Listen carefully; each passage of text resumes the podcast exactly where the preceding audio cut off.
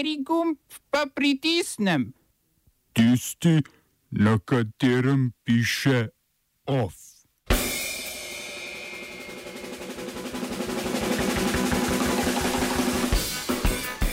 Benjamin Netanjahu slavi na volitvah v Izraelu.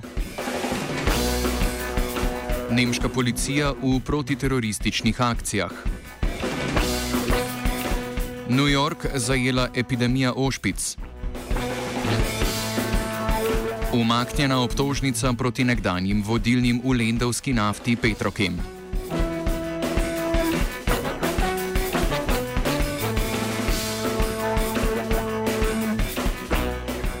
Zmagovalec parlamentarnih volitev v Izraelu je, kot kaže, konzervativna koalicija, ki jo vodi stranka Likud aktualnega premijeja Benjamina Netanjahuja.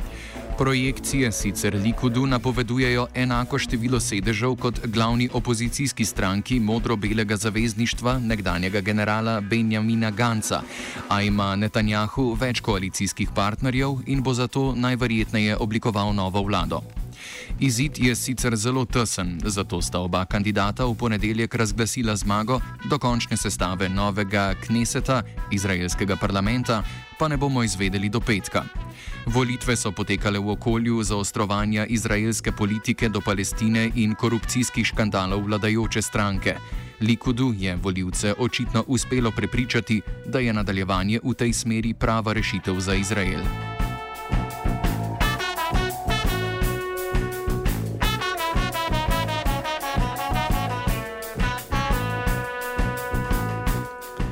Kijevu so se na zborovanju pred volilnim štabom favorita v drugem krogu predsedniških volitev Volodimirja Zelenskega, ki bodo potekale 21. aprila, spopadli podporniki obeh kandidatov.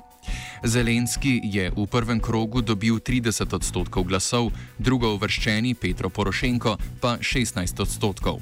Spopad, ki je izbruhnil zaradi volivnih plakatov, napoveduje vroče razmere na televizijskem soočenju, ki bo konec tedna potekalo na olimpijskem stadionu, velikem za 7000 ljudi.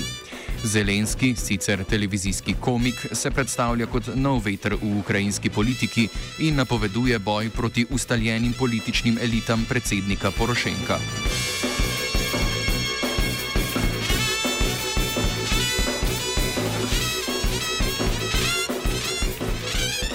Nemška policija je v mestu Potsdam izvedla obsežno protiteroristično akcijo proti radikalni desničarski mreži. Podali so približno 50 kazenskih ovadb zaradi huiskanja k nasilju, posedovanja neregistriranega orožja in huliganstva. Po navedbah Franka Nürnbergerja, vodje lokalne obveščevalne službe, naj bi tamkajšnje omrežje vključevalo do 400 članov, ki so infiltrirali lokalne oblasti in policijo. V duhu uravnotežene obravnave je istočasno potekala tudi obsežna akcija proti mreži, ki naj bi delovala predvsem s ciljem financiranja palestinskega Hamasa in novačenja novih članov za gibanje, ki je v večini evropskih držav označena kot teroristična.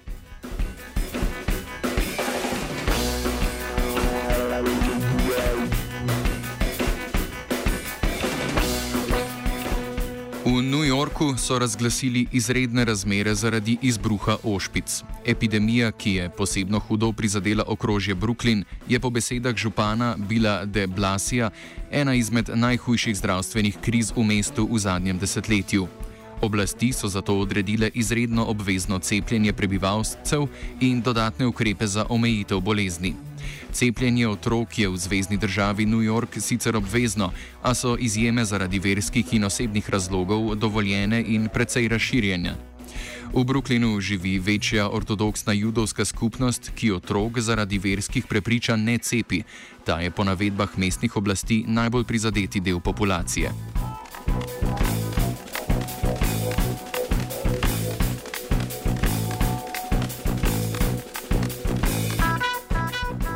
Iz Bruslja, ki ga te dni prevzemata predvoljivna mrzlica in kaos Brexita, se javlja sodelavka Radia Student Aida Sokler. V Bruslju sta temi debat predvsem dve, ki sta med seboj tudi precej povezani: Brexit in volitve. Danes pozno popovdne se bo sestala 27-terica, ki bo odločila, ali Veliki Britaniji podaljšati rok za izstop iz Evropske unije. Premijerka Teresa May bi hotela podaljšati rok do 30. junija, kar bi pomenilo, da bi bila država v času evropskih parlamentarnih volitev še vedno članica in s tem zavezana k izvedbi le teh. Drago bi jih stalo, potem pa bi odšli, ampak glede na kaos v britanskem parlamentu je potem planu zelo verjetno še eno podaljšanje. Njihovi sedeži so bili že predvideni za nove članice, ki so glede na število prebivalcev podreprezentirane, te države bi se jim potem tako morale odpovedati. Tusk omenja podaljšanje za nič več kot eno leto, želi se izogniti seriji kriznih evropskih vrhov, ne bi rad, da bi se deadline ponavljali, najbrž tudi, da Brexit ne bi bil več dolgo prva tema. Največja tragedija bi bila, če tudi po tem obdobju britanski parlament ne bi izpeljal izstopa, kar pa seveda ni neverjetno.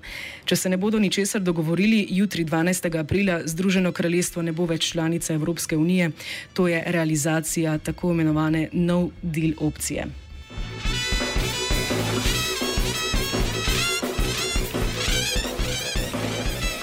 Zelo verjetno je, da bo do podaljšanja danes prišlo.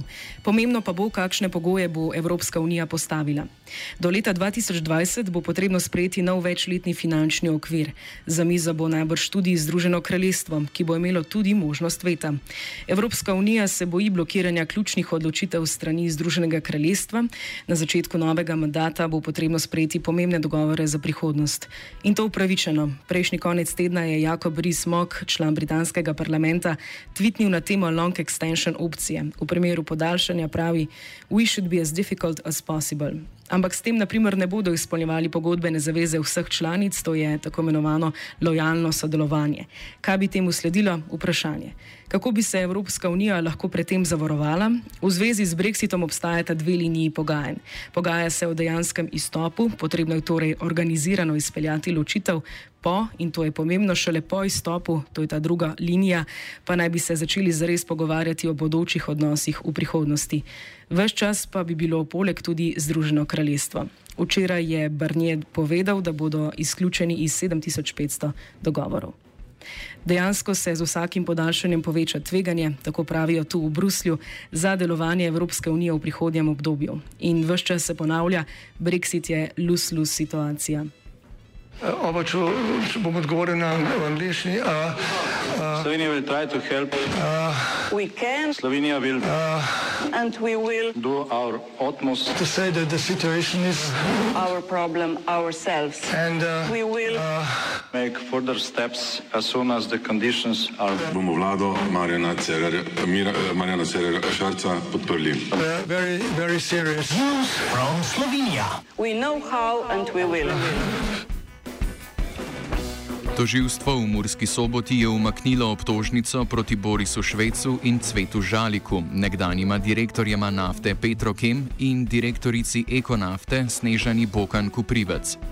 Obtožnica je bila prvotno vložena zaradi domnevnega oškodovanja podjetja pri dobavi lepila za lesno proizvodnjo. Žalik in Švec naj bi podjetje z negospodarno prodajo oškodovala za 223 tisoč evrov. Podrobnejša preiskava pa je pokazala, da je podjetje Lesna Tip, ki mu je bilo lepilo prodano, izgubo nadomestilo v povrnjeni surovini. Obtoženi so tako krivi pomankljivega knjiženja poslovanja, a po ugotovitvah toživstva niso naklepno povzročili škode podjetju, zato so obtožnico umaknili.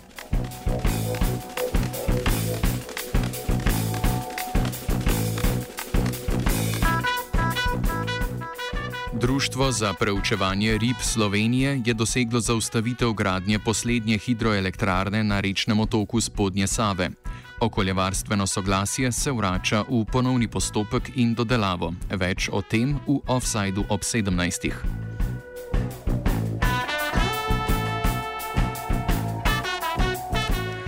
Off je spisal Koruza, iz Bruslja se je javljala Aida, sledijo pa kulturne novice.